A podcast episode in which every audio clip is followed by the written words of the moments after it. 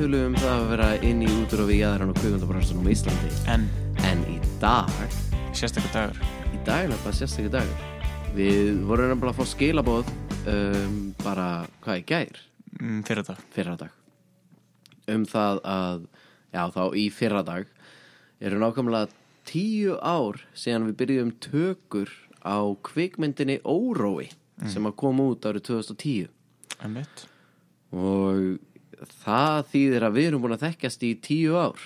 Því að við kynntum sem við tökum þessara Kynntumst og urðum bestu vinnir já, Og höfum verið bestu vinnir síðan þá. Í tíu ár. Óaðskiljanlegir. Þannig að þetta er þátturinn sem heitir Atli og, og Elias í tíu ár. Já, allir að skýra hann það? Ég held það, Ok. Ok. Ég held hljóðum vel.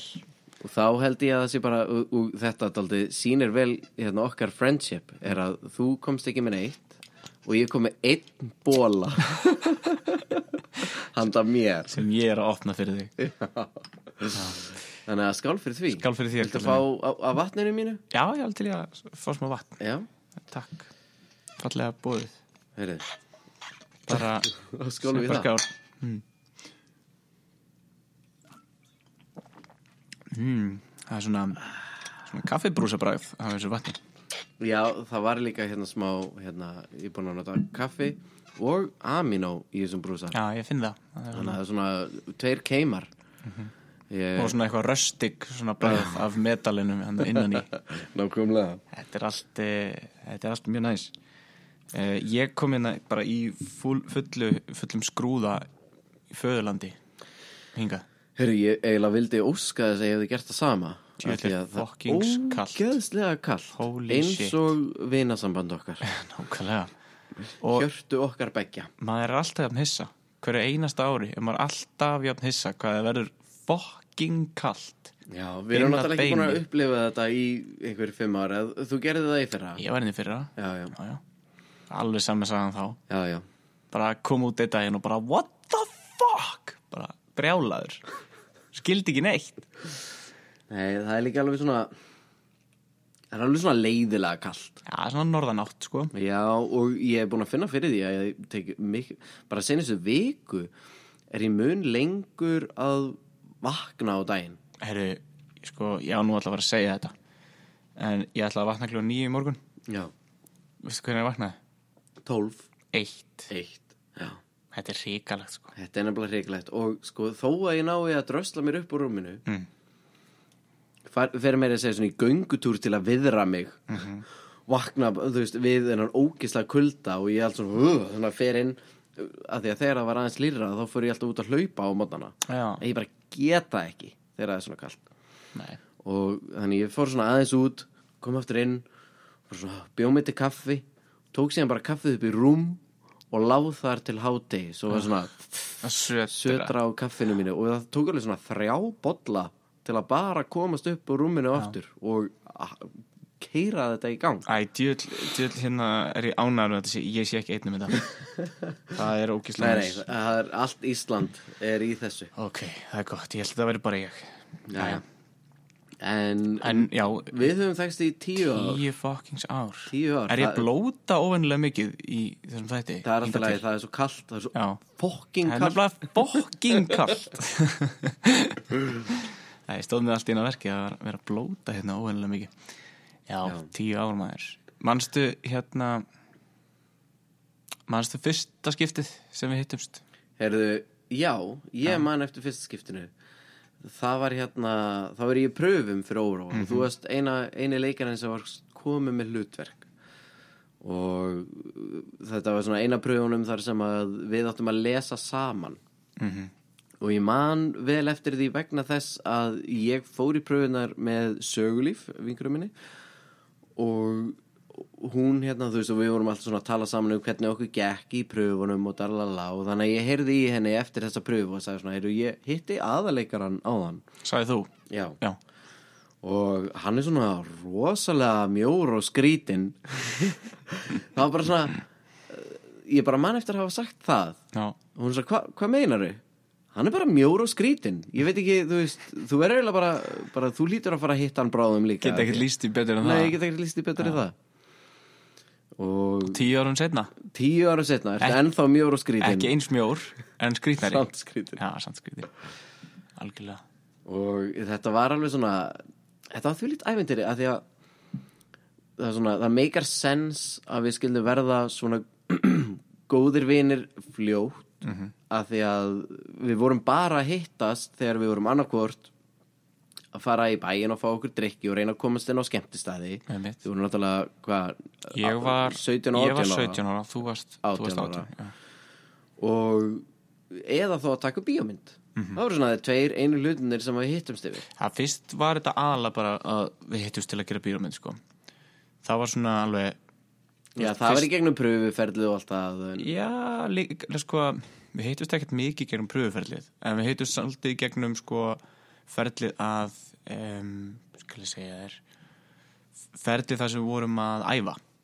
Já. það var svolítið langt æfingaferli. Já, það var gott æfingaferðli Já, Óborgað. Óborgað. Og það sem við fórum í gegnum veist, allar senunar og svona Já, veist, unnum þær svolítið saman. Ég held við höfum ekkert farið að chilla fyrir en bara við byrjuðum í tökum. Nei, það er það sem ég er að tala um. Og ég er kannski að hoppa yfir þetta æfingaferðli af því að við vorum ekkert eitthvað svona vinir þá nei, nei, nei, nei, þú veist, alveg ég hafði alveg gaman af þér. Eh, og Já. En hérna, manst þú eftir fyrsta skiptunni sem við hittumst? Sko, ég man eftir fyrsta svona exchange-in okkar þú veist, svona Já, fyrsta svona, svona alvöru exchange-ið. Ok. Það var í hérna uh, manstu eftir uh, hvað heitir það, pröfutökunum Já, svona proof of concept tökunum sem við fórum í til þess að selja uh, konseptið til ykkur Já. uh, hérna, fjárfesta. Þetta var einn dagur í tökum, heil dagur og við byrjuðum hérna nýri í kirkjugarðinum. Já, vorum öll í fullum skrúða í ykkur kirkjugarði akkurat. Ég man einmitt eftir því að hérna Baldvin Seta var að skuttla mér heim um daginn. Já. og hann var að segja mér frá því að það nálgast hérna þessi tíu ár og hann langaði að halda einhverja veistlu Já, reyndar í skilabóðunum sem við fengum þá kom það í ljós að hann ætlaði var greinilega hættu við það plan og er að halda veistlu á næsta ári þegar það er tíu ár síðan að myndi koma út. Já, ok, skilinlegt hann þarf að fara að sapna sko. Já, nefnilega. Gá okkur góðan fyrirvara á því partíi En þannig að hann var að keira Mér var bara svona, já, þú veist að segja hún langaði að gera eitthvað og mér varst að snild Og síðan sagði ég, þú mátt bara sleppa mér út einhvers staðar hér Því að mér langar að lappa heim þú veist, með tónlist. Mhm. Og svo stoppar hann bílinn Beint fyrir utan kirkju, bara á vegnum Þar sem að við tókum þarna fyrstu pröfu ljósmyndirnar af okkur. Einmitt. og hann svona, vá er, er, er eitthvað í það er, þú veist er ég að fara að skilja þau eftir hér? Já, þau þetta eftir að skilja eftir hér. En já, sorry, halda Já, það er geggja Já, ég man að sko í þessum æfingapröfum þá þurfti ég að stökka frá vegna þess að ég var að fara að taka uh, bóklega prófið bóklega bílprófið. Já, og ég var akkurat, þú veist ég man ekki, fara að falla í því. Man ekki hvort ég var orðin 17 eða hvort ég, já, ég var held ég að vera bara svona rétt orðin 17 þegar vorum í þessu. Mm. um, Já, minnið allan og Þannig ég þurfti að stökka frá og þá var einhver hérna rönnar sem að skuttlaði mér í prófið og kom svo og sótti mig aftur þegar ég var búin í prófinu. Og ég man að það var production assistant. Production assistant, já, fyrir ekki uh, og það, það var einhver sko í kastinu sem að sagði við mig um, sem gaf mér eitthvað svona tips varðandi bóklega prófið mm. eitthvað svona, já, passaði á þessu og þessu og þessu spurninga þið komið sem er gett hættuleg. Og mér fannst eins og að væri þú sem sagði það við mig. Já, og ég er svona, já, ok, eitthvað, að þú veist að það voru náttúrulega allir gett nýjir og ég þekkti ekkert alla. Þetta var áður en við fórum í æfingarferðli sko. um, og hérna þá, já, mér fannst þess að þú hefði það við mig og ég fyrir þetta próf og, og næð því og var ókslega sáttur og kemur tilbaka og bara að ég náði því eitthvað. Og hitti þig í dyragettinni á tökustanum og hef komin aftur á já tökustanum ég er að sjá fyrir mér svo mikið en að af Er það að ekki? ég, þetta, ég man svo vel eftir þessum sófa sem við sátum í þar sem allir voru að tala Var þetta ekki heima hjá Katrínu Björgvins? Getur það verið? það getur nefnilega bara Ég mjög vel held verið þetta hafi verið en heima ég er ekki alveg sko. viss um ég, einhver staðar í það miðbæri allavega, ég er að labba hann inn aftur inn á tökustæðin, mæti þér og segi, heyrðu, ég náði maður. Takk fyrir, hérna, takk hjálpa fyrir hjálpina, það var bara geggjað. Og ég hef aldrei séð jafn mikið moose in the headlights look frá neinum og þér akkurat á þessu mómenti. Að því fyrsta lagi vissir ekki hvað í anskotanum ég var að tala um að því að þú varst ekki svo sem að gafst mér þessi tips. Nei. það var Óli. Já, ok.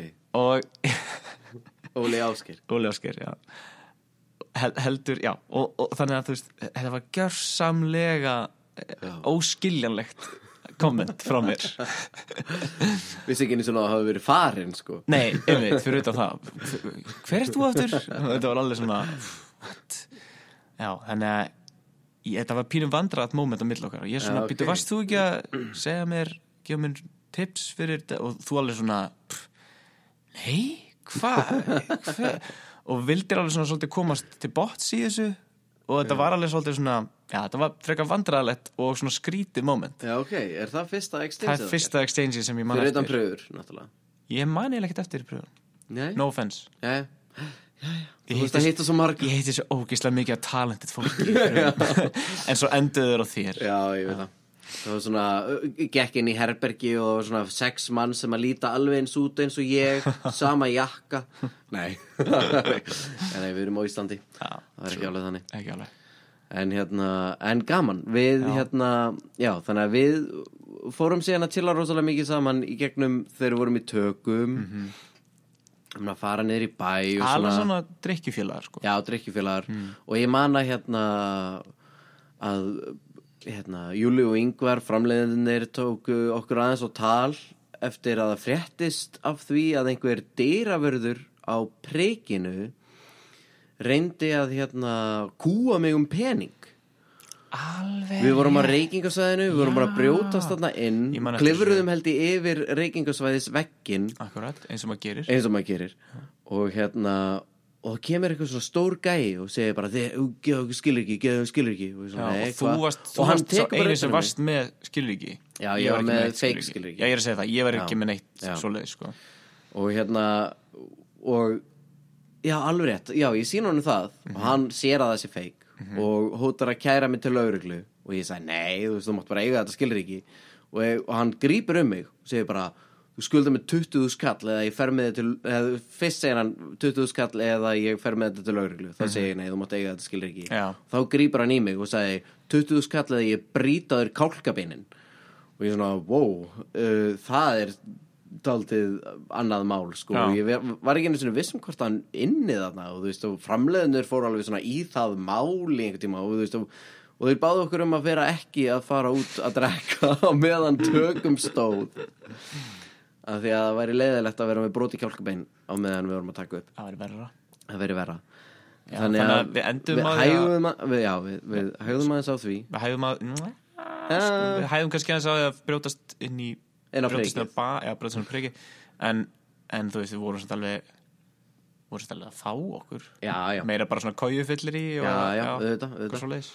En ég held að við urðum ekki svona almennilega, þú veist, allavega fyrir mér Mm. fannst mér við ekki vera svona bestu vinir fyrir en að við fórum að reyna að vinna saman og við fórum Já. að skrifa saman Einmitt. og þá vorum við svona á þessum tíma voru allar að gera sketsa Steindi var nýkom með held ég annarkvort fyrstu seríu eða aðbúið til fyrstu seríu af Steindur okkar Já, og það var allavega svona spenna í loftinu því að því hann var náttúrulega YouTube stjarna mitt og þú fyrirverandi YouTube stjarna Jú, jú, jú, jú.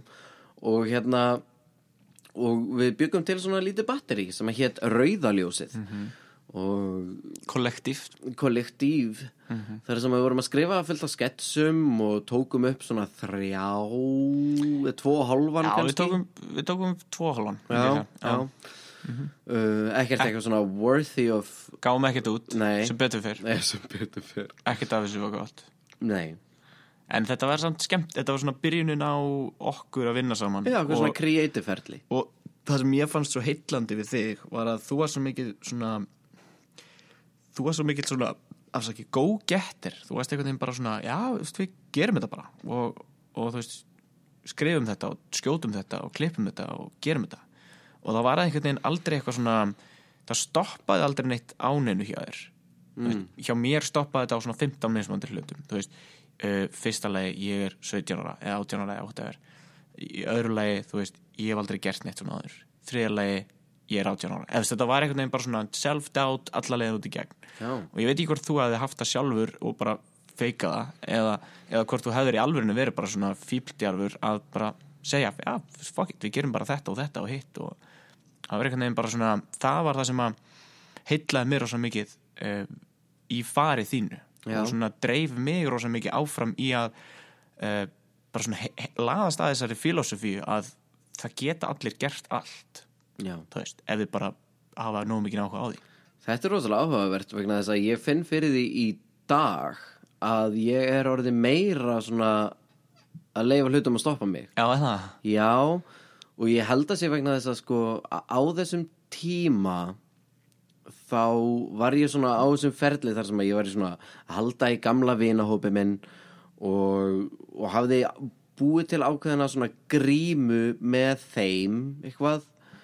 Og síðan var ég að fá að kynnast þessu nýja lífi þar sem að svona, oh wait ég get actually bara svona valið mér mína vini, ég þarf ekki að vera með vini mínum sem ég bara alveg upp með þó ég elski þá, ég er bara ekkert eins og þeir. Þeir eru að fara í einhver allt aðrar áttir og allir eiga börn í dag og ég er eitthvað svona Fuck börn. Í það er einmitt það sem ég sagði. Og veist og, og þannig ég var bara svo spenntur fyrir að gera eitthvað allt annað. Og það var rosalega mikill drifkraftur og ég bara honestly vissi ekkert um bransan eins og við höfum talað um þannig að í þættinum fyrstu kynni bransans um hvernig hérna ég bara fór í öll stúdíu og bara Já. gjörðu svo vel að ráða mig. Og by the way, smá sidestep hérna. Uh, hlustandi hafði nefnilega ekki samband við mig, ég bara hitt hann. En hann var að segja mér frá því að, hérna, að hann verið hann væri nýbyrjar að hlusta á þessi podcast okkar. Og hann væri komin að hafi komist á þennan þátt. Og þetta er tónlistamæður og hann hafi komist á þennan þátt þar sem að er hérna, fyrstu kynni bransans um það að vera go-getter og eitthvað svona. Og hann hafi fengið bara rosalega mikið inspiration. Ok. Og bara já, auðvitað þarf ég að halda þessu áfram og eitthvað darlalala Nice. og ég spyr hann svona, hvað hva þóttast þér að hlusta á? Og um leiðan sagði það, þá fattaði ég og við höfum talað um dáður það er einn þáttur í þáttaröðun okkar sem er miklu fleiri hlustanir en allir aðrir þættinir Já, hvað, hvað er þetta? það er þessi sem heitir Myrkvi þar sem við vorum að drekka Myrkva sem er af hverju við prófum að drekka, drekka Myrkva aftur í einhverjum öðrum þætti að Ah. hvort við fengum jafn mikið hlustanir Var það þáttur þar sem að Þórður var í, í gestur? Nei. Nei, þáttur þar sem við erum að tala um fyrsti, fyrstu kynni bransans.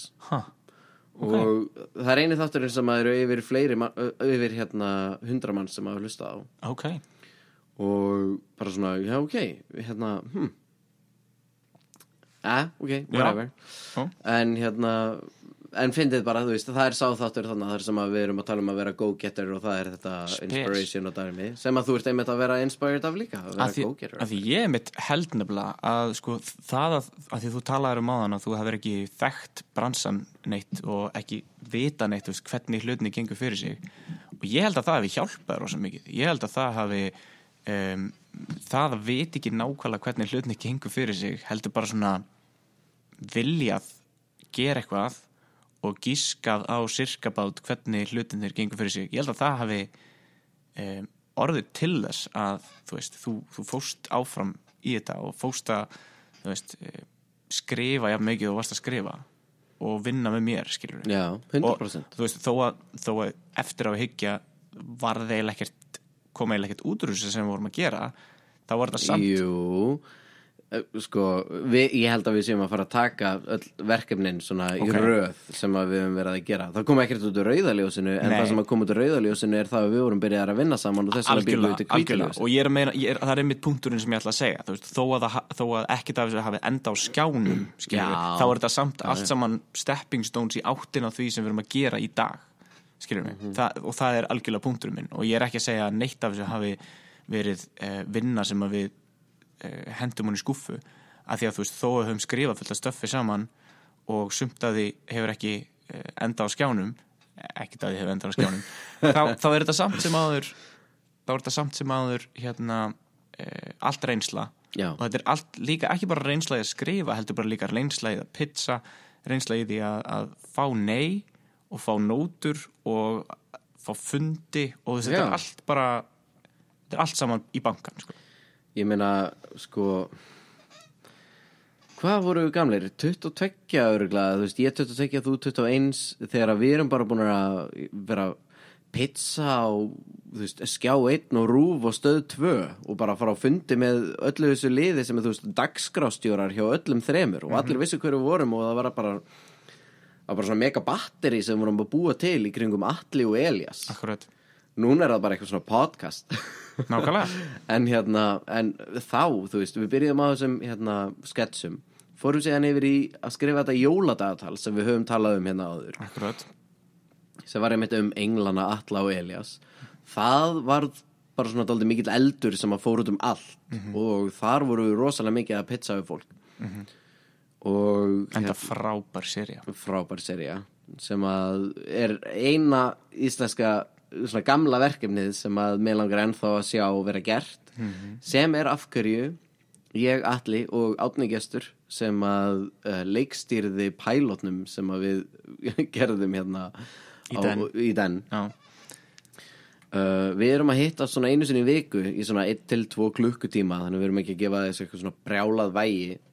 En 1 til 2 tíma á viku bara til að sjá þú veist hvort að við getum komið upp með eitthvað sem að veist, búa til kvítaljósið nema bara miklu miklu betra.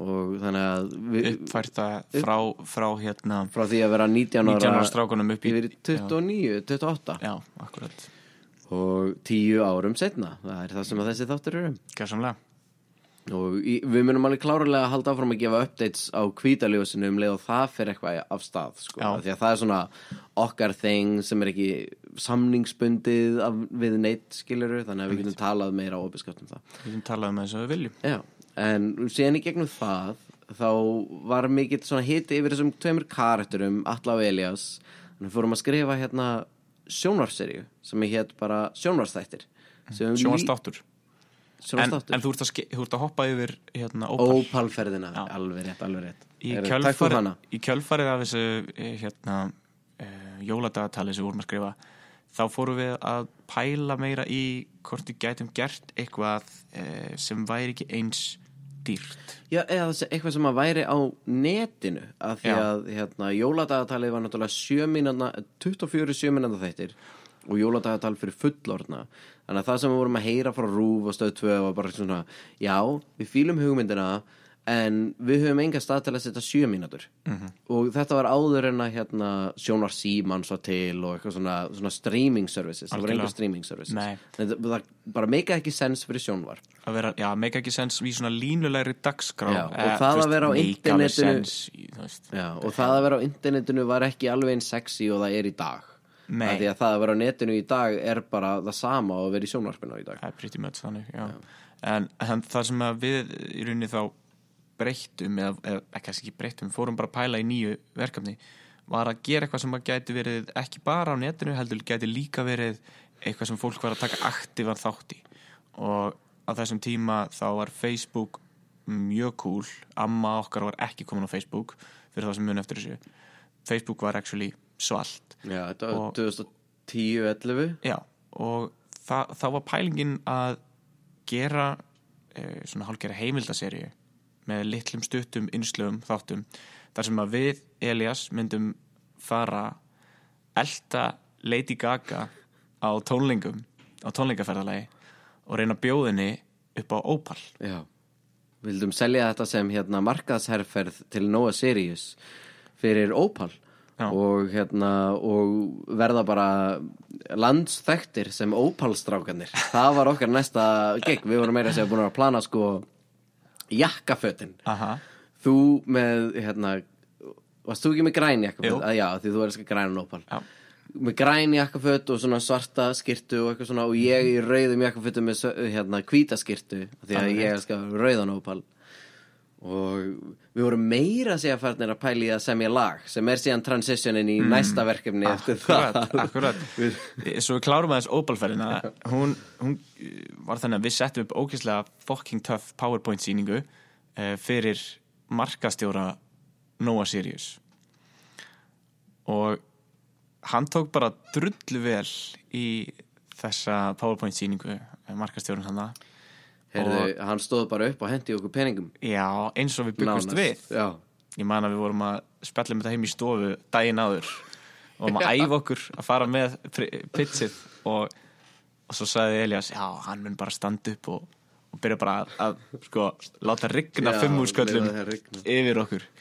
Uh, það gerist reyndar ekki. Gott en, sound effect. Já, ekki. En hann fílaði þetta. Já. og þeir voru til í þetta. Ég meina, hann literally sagði bara Þetta er bara keift strákar. Já, Og þeir buðu okkur Hvað var það? 600.000 já. Já. 600.000 fyrir að gera þessa ferð. Sem var innihjalt, þú veist, allt. Já, þannig að þú veist, það hefðu ekki verið neinn laun fyrir Nei. okkur sko. En við glemdum kannski aðeins að segja að sko markasherferðin sjálf átti náttúrulega að vera stórt veðmál sem við ætluðum að skora á Nova Sirius bara Alveg í rétt. Að því að við vorum ennþá svona dálítið þekktir fyrir óróa. Mhm. og, og þannig að það var svona eitthvað svona, þú veist, hiti í gangi.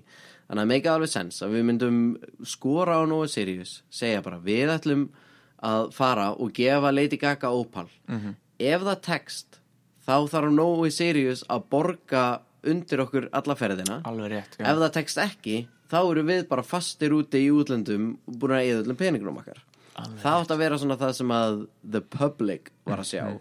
en í raun og veru átti Nói Sirius alltaf bara að borga ferðina either way og borga okkur bónus ef, ef þetta myndi takast. Já, og þeir, þeir tóku rosalega vel undir það. Síðan byrjaði svona ok, það var eitt svona tímapunktur þar sem við hefðum geta gert þessa ferð. Og hérna en þá voru við mitt að tala um svona þú veist, þá voru orðinir aðeins og við eigum að fá laun fyrir þetta skilur við og tala þetta var samt alveg líka þannig að veist, við vorum búin að setja þetta nokkur sem upp í skjali og veist, budgetið, bara tölunar bara voru einhvern veginn já, ekki við að í þetta. Já, við hefum þurft alltaf að borga eitthvað á reyma í þessu.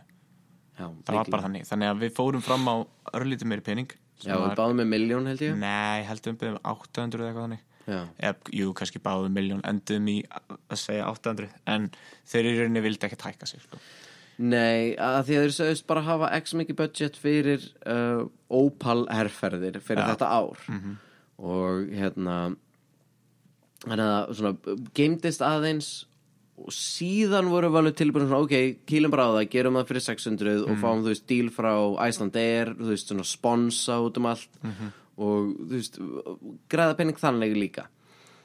Og, og líka bara fá frí flug og eitthvað svona sem að leggja náttúrulega alltaf kostnað En þá var Lady Gaga ekkert lengur á hérna, Evróputúr. Og þá fórum við að skoða Justin Bieber Já. og Rihanna sem var ekki alveg nóg cool Alveg og rétt. það var allt svona einhvern veginn alltaf að eldast við þegar þeir áttu pening fyrir Mm. að eða í Opal og hvenar einhverju var á túr. Og það var alveg svona heilt ár sem að var bara eitthvað svona að reyna að hitta á þessar réttu dagsetningar. Alveg rétt, ég var búin að gleyma því rugli. Sem það bara svona gekk aldrei upp. Og þá vorum við mitt bara og við vildum bara semja lag sem að byrja svona á því að við erum að hrista Opal pakka sko.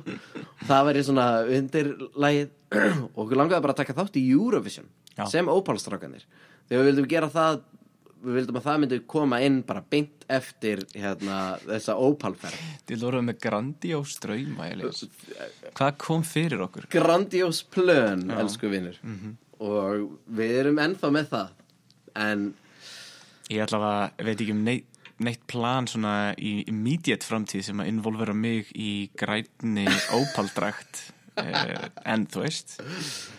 Nei, ég hef, plöni mín eru orðin aðeins meira svona realistic og sem er veist, andstæðan við grandiós held ég. Já, en samt, samt sem aður grandiós upp á bara svona svona nött ströymar um við tala um það seinna. Ok. þetta er um alla og Elias Ok, ok, ok. tíu ár Nuts, jarðbundni draumar já, Jar, akkurat. Jarðnetnur, það er svona nött ströymar en samt alveg svona tvö ár í það Já. á meðan þetta var svona, við erum bara að fara að gera þetta á morgun sko. Já, satt og hérna En já, þannig að við þróum, ætlum að þróa eitthvað svona lag Já, og síðan þegar þetta var ekkert að ganga þá voru við bara svona frustrated og okkur langaði samt að segja með lag því að við vorum bara eitthvað að byrja að spila tónlist. Og á sama tíma voru við byrjað að halda upp á Bláa Mánan sem var hérna stærsta mánudagstjam ársins Legendary. Jam. Legendary Jam. Það byrjaði 2010 þá voru við bara þrýr á Dillon. Bara að drekka bjór.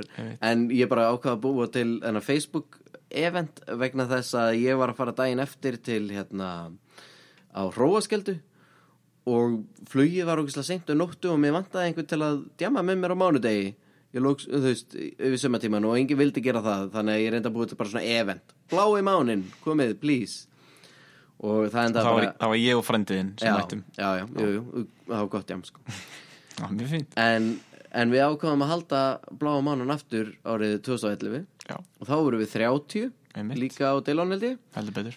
Og síðan í þriðja skiptið þá fórum við aðeins að veist, og þá í á 2012 þá vorum við mynd búin að vera að díla við þetta Opal dæmi í heilt ár Mhm. og, bara, og við sem svona Atlo Elias eitthvað erum ekki endilega lengur nógu hot property til að gera þess að Opal. Af því að þá eru komið tvö ár sen að Órau kom út og Þú, það var allir búin að glema þér Allir og ég var að gleyma svona að smetla fingrum frægur Svona, hvað heitir hann aftur? Já, Svona gæðin hann sem að. Hvað heitir hann? var hérna Hann var í hérna úlingamyndinni hann já, hann var í gauragangur Já, akkurat Nei, hinn í úlingamyndinni Já. Nei, hann var líka í ah, já, já.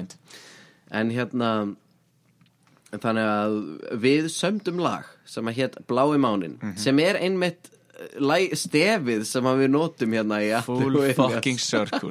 Full fucking circle. Þannig að það er lagið sem það Já. heyrið alltaf hérna í byrjun og í lokin og þáttunum. Það er náttúrulega- instrumentalinn af þessu lagi. En, en ef þið heyri alvöru lagið sem er held ég ennþá á YouTube þá heyrið þið mig syngjandi Já, og Elias í bakgröndum og hérna það er blái mánin. Já, Eitthvað, já. akkurat. En hérna Við ætlum bara að senda það í Eurovision og, og auglýsa bláa mánan sem stærsta hérna, mánudagstjam ársins Við við ætlum að fara international með blá mánan. Já. það var planið. Já. gera þetta að stærsta jamdegi í heiminum. Í heiminum, stærsta mánudagstjami mánudagsjamdegi í heiminum já. og hérna og það gekk ágætlega. Já, við, við tókum upp lagið og við sendum það inn til, og, í porkeppnina já, já, við sendum það inn í fórkjöfnina við komumst ekki inn í fórkjöfnina Nei. ég held að það hafi verið spilað tvisasinnum á Rástvö ha?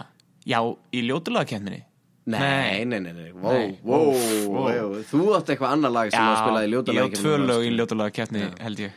Já, en Nei, blái bara mánin eitt. var samt spilað þegar að, hérna, einhvern tímann eftir eitthvað viðtal þegar við vorum að tala um Alveg rétt. Bláa mánan Alveg þú veist, að því við fórum í útvarsviðtöl og við gerðum alveg góðan hlut úr bláa mánanum þó að við komast ekki í Eurovision skiljur við vorum með actually stærsta partí sem að Lebowski bar hefur noktumar haldið Mhm. það má ekki einu sinni halda svona stór partí lengur það slökkulisliðið minkaði fjölda fólks sem að má koma þann inn eftir þetta kvöld að því að upprænlega talan var svona fyrir alla sem eru uppi og alla sem eru niðri en hvað ef þegar það eru tónleikar allir vilja vera niðri Mm.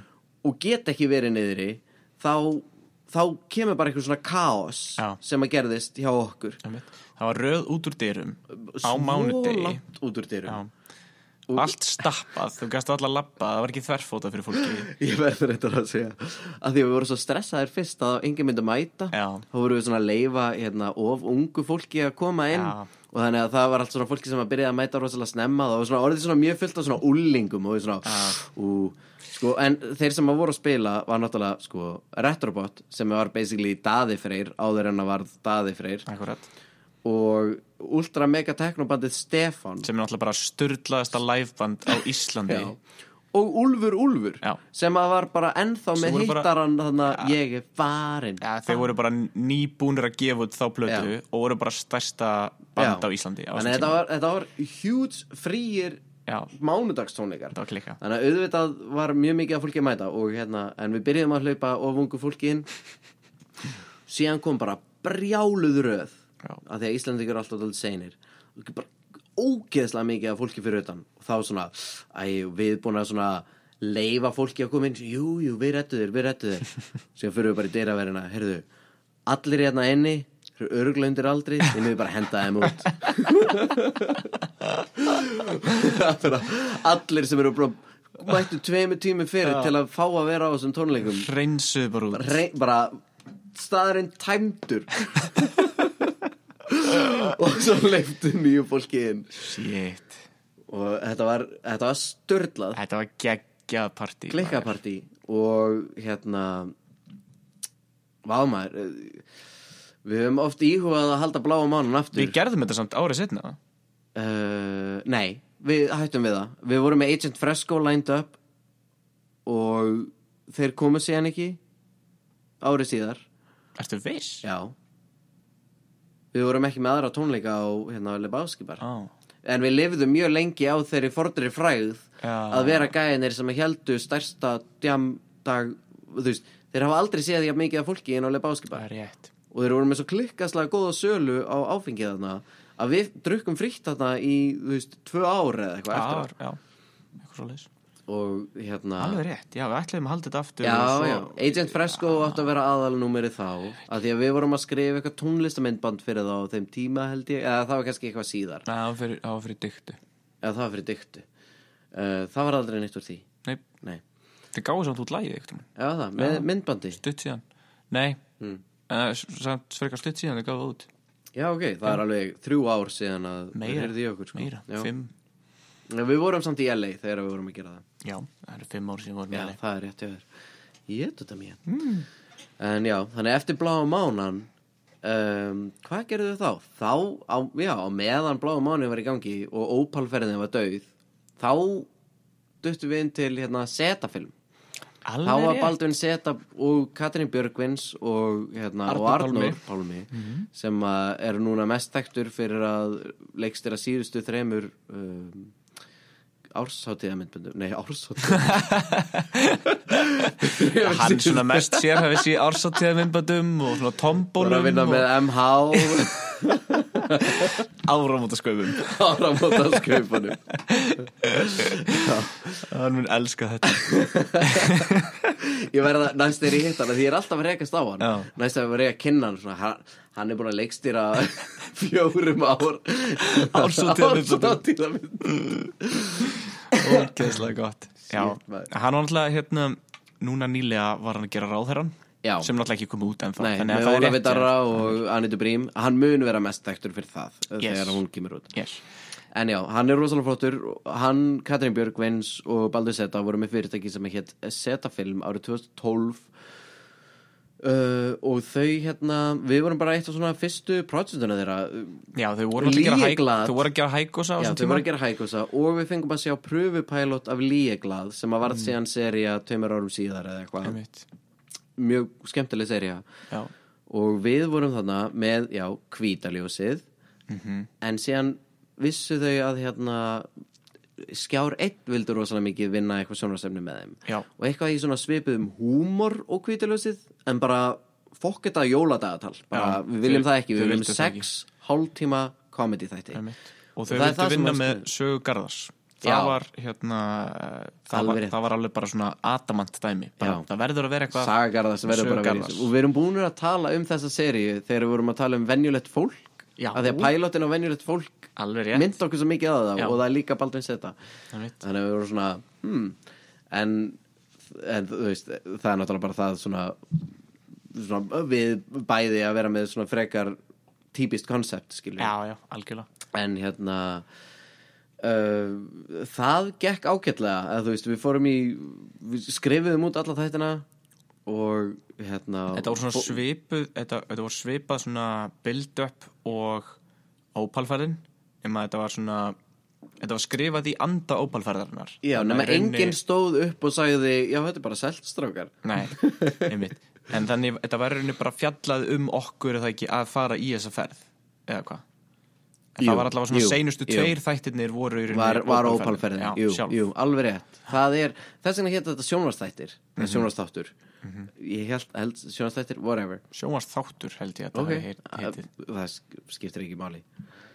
Ja, ok, sjónvastáttur jú, sjónvastáttur, það er alveg rétt hjá þér. Ég það er alveg rétt hjá þér. Ég veit það. Ja.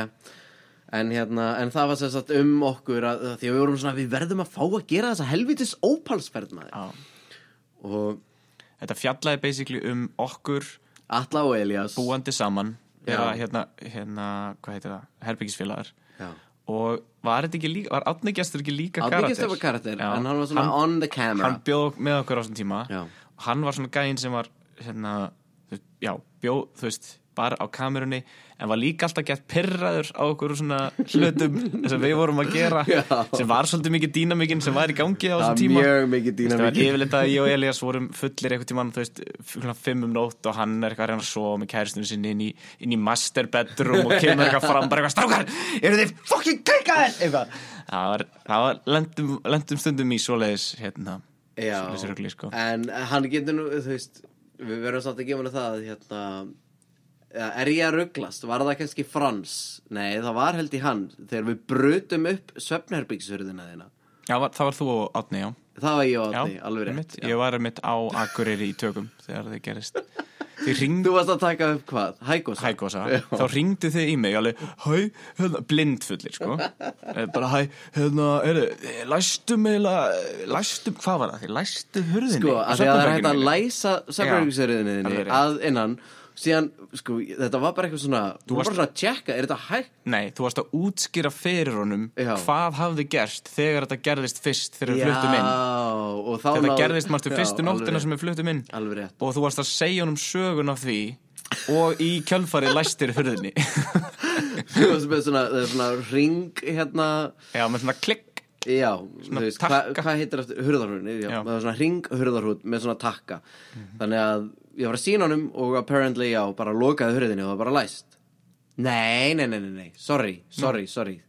Að því að ég beið inni að því að Átni var að gefa okkur skít fyrir að hafa ekki geta brotið upp hurðina. Alveg rétt. Já, já, að því já, að já. fyrstu nóttina þá reyndum við að brjóta upp hurðina og það var ekki Mm. hægt og ég var bara að segja hvað fucking erfitt að brjóta upp svona hurð. Það er bara ekki, það er ekki hægt. Já. og hann svona, hvað meinar hurð. Og ég sagði bara, heyrðu, reyndu þetta bara og ég fer inn. Á minni hurð það var hægt að gera þetta við allar hurðarnar í húsinu. En þið þurftu að prófa þetta á minni hurð. Að því að það var hurðin sem við reyndum of course, to begin with. Of course. þannig að for science. Control. For science. Já, ég skil þetta. Þannig að ég læsi, síðan sit ég í rúminu þínu og segi, jæja. Og síðan kemur svona aldrei löng þögn að því að náttúrulega þegar að við reyndum að brjóta hann upp þá vorum við bara, stóðum upp við hurðina og vorum að negla hérna, negla okkur í hana. Hliðinni, já, já, og ekkert var svona að gerast. En það kom bara svona þögn og hann var bara að taka tillaup já sko, hann var að hlaupa innan úr eldúsi já, innan úr eldúsinu því síðan heyri ég bara í fótunum og svo bara búm, búm, búm. spýtur út um allt. Það bara möllbraut hurðina og bara reif upp lásinn, reif upp hérna hann hurðarkarmin rústaði hurðinni gersamlega þetta endaði með að vera svo mikið mission af því að hann þurfti basically en, en já, að hann, hann, þið ringduð í mig og útskýrðuð fyrir mér að þetta hefði gerst og ég svona, ok hvað ég gera við þessar upplýsingar á Akureyri, skilur og e, Átni var náttúrulega mjög sorry, ég gef honum það Já, já. og hann lofaði að laga hana og gera hana fína og. Og það var aftur að hata okkur fyrir að í þessu. Aðja, fuck it, hann hlustar ekki á þetta podcast Nei, uh, hérna uh, já, hann að hann sem sagt fekk nýja hurð og þú veist, nýjan karm og eitthvað svona, nema hurðin virkaði ekki, hún var úr stór. Já, Þannig að hann nei, var að því að hann fekk ekki nýja hurð. Hann tók sína að taka hurð, sína hurð. alveg rétt og bara svona, já, ég get alveg lifað án hurðar og hérna, ætlaði bara að retta þér svo geti hann díla við sitt einhvern tímann setna þó að auðvitað, þú áttir íbúðuna þannig að eventually var þetta alltaf eitthvað sitt sem hann var að brjóta frá þér. En hann hefði samt meiri tíma til að vinni því á sinni hurð. En hans hurð var ekki með svona karmi að neðan. Mhm. þannig að hans hurð var aðeins stærri. Já, þegar við vorum bara festara við. Þá varum bara föst við gólfi Já. og maður var svona tósana til að lokinni. Já. það gekk ekki. Þannig að hann fekk hérna sand svona svona hefil. Hefil. Hefla hurðina sína. Til að komin í á já. Þetta var allir Elias í hérna Í. Í Aspafellinu á B2 bar að því við áttum með þetta bara bar. Við byggðum bar Fully functional bar í staðan fyrir eldhúsborðið eftir að Frans, bróðið þinn, braut eldhúsborðið okkar. Alveg rétt. Þá hérna byggðum við bar í staðinn og það er hægt að sjá ljósmyndar af því á Facebookurum okkar og það er bara æðislega gaman. Ja, við kannski bara hendum inn eh, Já. albúminu, deilum því inn á hérna, Alla og Elias Gerum það. Svo fólk geti hort á barsmíðar í bregðaldi Barsmíðar í breiðaldi alveg þetta, er svo góður titill. En hérna, við erum bara running for a short sko. Já, ef við ekki bara fara að hætta þessu Hérna, það er samt svo mikið eftir. Við erum alveg fimm ár eftir eða Já, sex. ok, ef við ekki að hafa þetta bara part 1 af tveimur Svo tökum við næsta eitthvað tíma setna Já, allir við þessi tíu ár part 1 Það er bara, allir kom seint í stúdíóið og við höfum að bara í Ég eina mætti mínúti fimm mínútum á seint, Elias Þegið. En hérna um, Já, ég- við erum náttúrulega bara Við eigum í rauninni bara eftir LA, sko Og þú veist, við erum alveg búin Já, að segja gerðum við einhver fleiri verkefni við, Náttúrulega LA verður bara einhver sérþáttur En svona, Já, ég er að segja er það. einhver fleiri íslensk verkefni sem við vorum að gera mm, Saman? nei, er kannski það ekki nokkuð? Nei, Ég að því man- ég man bara eftir hérna Eftir sjónvarsþáttur Mhm. seríuna Þá fekk ég símtal frá Ég held ég sé ekki að ljúga því að það hafi verið frá RÚF Já. Ég held að hafi verið þáverandi dagskrafstjóri RÚF sem var ekki skarpi af því að skarpi var dagskrafstjóri sk- Stöð stöð 2 tvö, já. eða það var bara einhver kona sem var vann með honum upp á stöð 2 Ok, um, sem var ringdi í mig og búin að vera að lesa hérna sjónvarsþáttur og sagði bara sko, sko við erum að fíla rosalega mikið þennan tón og þetta, þennan feeling sem þú ert með í bæði kvítaljósinu og núna í sjónvarsþáttur og þetta er svona skemmtilegur húmor en okkur langar rosalega mikið að sjá eitthvað frá þér sem er ekki um Atla og Elias og svona wow. og þar afleiðandi skrifaði ég seríuna sem að hétir hét Heimilið okkar sem að bjó hjá sagafilm í einhver tíma. Og þar þar afleiðandi eiginlega bara endaði okkar það var bara þau sögðu mig bara hætta að skrifa um þig. Þannig að ég fór það, það var í fyrsta sinn sem ég skrifaði eitthvað sem hafði ekkert að gera með þig fyrir utan náttúrulega sem ég skrifaði áður en við kynntumst reyndar, það er ekki rétt. Nú já, já. Fyrsta handritið til fullri lengt sem skrifaði í skólanum úti var byggt á mér. Nei, Adam Alive. Það var ekki fyrsta sem ég skrifaði. Nú. það var held í annað eða þriðja. Það var annað í fullri lengt Já, það var annað fullri lengt Fyrsta en, var hérna en það var heldur ekkert byggt af þér. Það var bara eitthvað sem að þú veist, you, þú veist inspired um það að þú veist, þinni uh, þínum áhuga á tölvuleikjum. Tölvuleikja fík Skulum bara kalla þetta það sem þetta er. Já, Já, og hérna og ég vildi að þú myndi leika að já ok, já, ég skilji. Og hérna Það var kannski ekki endilega inspired af mér, ég skilji. Já, en það var samt, þú veist það hafði alveg mikil áhrif og ég vildi, þú veist, þú veist það var ástæðan fyrir ég skrifaði þá mynd. Skilji, skilji. Eftir að hafa búið með þér sem tölvuleikja fíkill og slikt um, þannig að það var, þú veist en það var samt ekkert eitthvað sem við vorum að skrifa saman skiljum, Nei, þannig að, þú nei, veist, þegar að Rúf eða Stöðtvöður ringdi í mig og báðum um að hætta að skrifa um Alla og Elias Ég veit ekki hvað vittlesingur var að segja það. Ég veit það ekki, Alli og Elias eru Það er coming líka- back Það er líka ekki nema vona og veist ekki hvað þessi mannskja heitir. Nei, Hún vinnur ekki bransanum lengur í dag. Nei. Ha, Þetta er verið Þetta er hérna,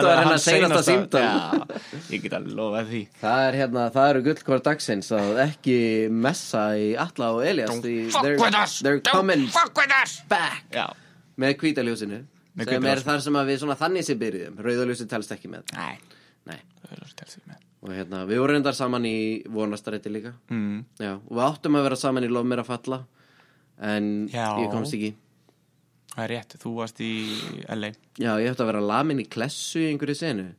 Já, alveg rétt. Að því að þetta var, þetta var búið að vera eitthvað svona djók hjá Baldvin að hérna karakterinn veist, karakterinn okkar Gabriel og Teddy úr Óróa sem var tekinu upp fyrir tíu áru síðan Jú, jú. um, að þeir myndu svona lifa áfram í þessum heimi. Þannig að þegar við kynnumst þeir næst í vonarstræti Já, þá er Gabriel orðin barþjótt svona flottur barþjótt sem að vinnur á barnum sem að hérna fyllibittan ljóðskjáldið Já, úr vonarstræti lifir eiginlega á.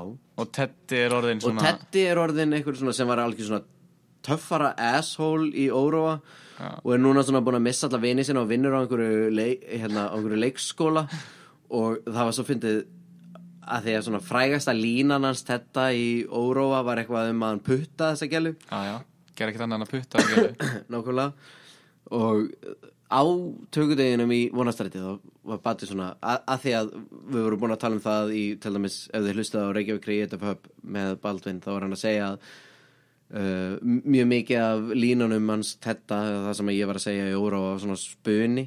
Þannig að það sagði svona, saman hvað þú ætlar að segja í þessari senu það væri ekkert að því ef þú reynir einhvern veginn að koma inn að þú hefur putta þessa gælu og ég svona, já I'll try but við erum að leikskóla. Við reyndum svona þrjár mismunandi leiðir. Já, þar sem að hann var svona nei þú miður kemst puttinin bara ekki í þessa mynd því við erum að leikskóla það er bara, þetta, er ekki hægt. Gengur ekki. Og þetta bara gengur enga veginn upp. Þannig að hann vinnur þar og síðan áttum við að sjá hann aftur í Lof mér að falla þegar að hann er svona has lost it again og orðin svona þú veist svona dópisti og gengur inn í eitthvað partí og er bara lamin í klessu um leið Já, og það einhvern veginn tengið sögun ekki neitt það var samt í handritinu og ég horfði á myndina því miður bara fyrir mjög stuttu síðan það var eiginlega bara vandræðilegt ég sendi honum message bara þetta er að verða vandræðilegt ég á eftir að sjá myndina og hún er ekki til á DFD og hann sendi bara tilbaka ha ha ha ha ha ha ha ha ha ha ha linkur en hérna þannig ég sá þar hana heyrið þið það, kæri hlustendur ef þið hafi ekki séð lómar að falla og viljið sjá hana sendið Baldin Setur bara Facebook message. Já, Tjók. Já, alveg rétt. Heyrðu, hérna, en hann saði mér sem sagt bara það að, nei, hann saði mér ekki neitt. Ég horfði bara myndina og ég sá það að það var engin lamin í klessu svona randomly Nei. þannig ég veit ekki einu sinni hvort að svo sena hafi bara klift út af Já, því að hún var, hún var klift út sko. Þetta var bara ekki þarna. Hún var klift út, ég man, hún var skotin sko. Já, ok, þá neða það var einhver skotin. Já, já, hún var klift út. Svona er lífið. Já, svona er lífið. Já. ég kom með seinustu gullkorn sem var náttúrulega appelsín. Já. Uh, Hvað var það? Það var Eitthvað með léleg gullkorn Ölgerðin eitthvað Já, gefur æ, það var Já, Það var ömulegt hræðilegt. En þannig að við verðum að koma með góð gullkort núna. Eitthvað sem helst tengist Tíu ára vinasambandi Eitthvað svona sem að er mikill drifkraftur í lífið Mikið inspiration. Þannig gjörðu svo vel Atli Óskar Fjálásson með gullkort ársins. Já, það er Já um, Tíu ár. Þau líða. Oh, how the turntables. Um, Já, ég Ég fíla hvað við erum alltaf að kynnast upp á nýtt.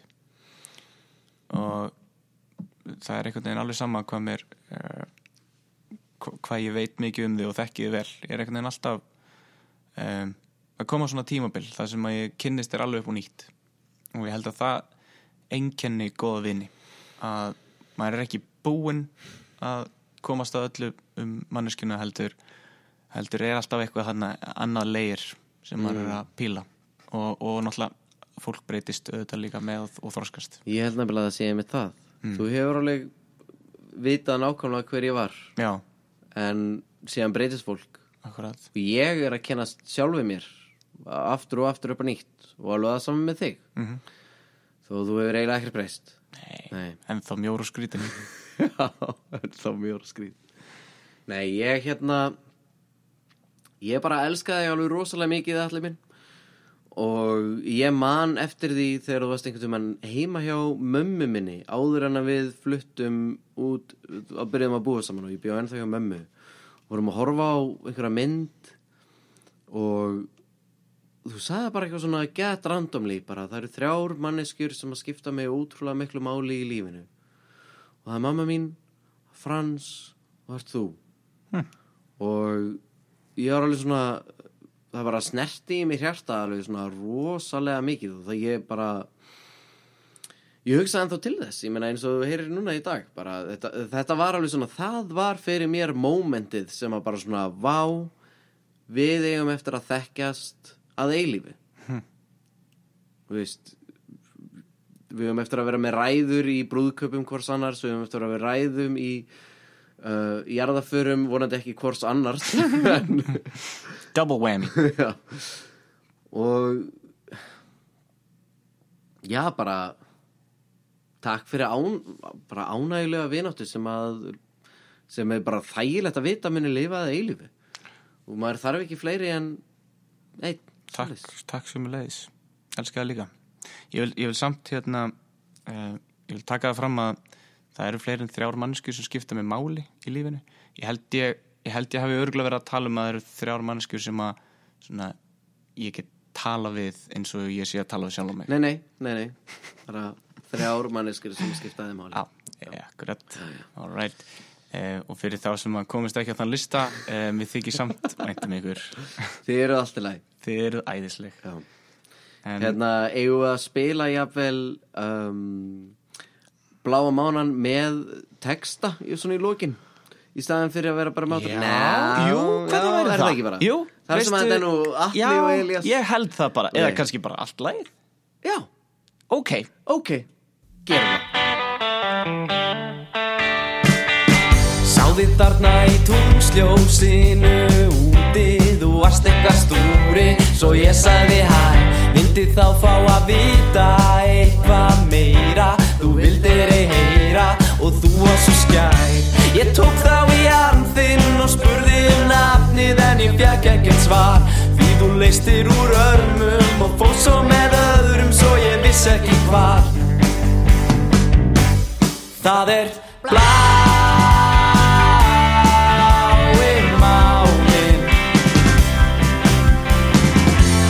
tem nada.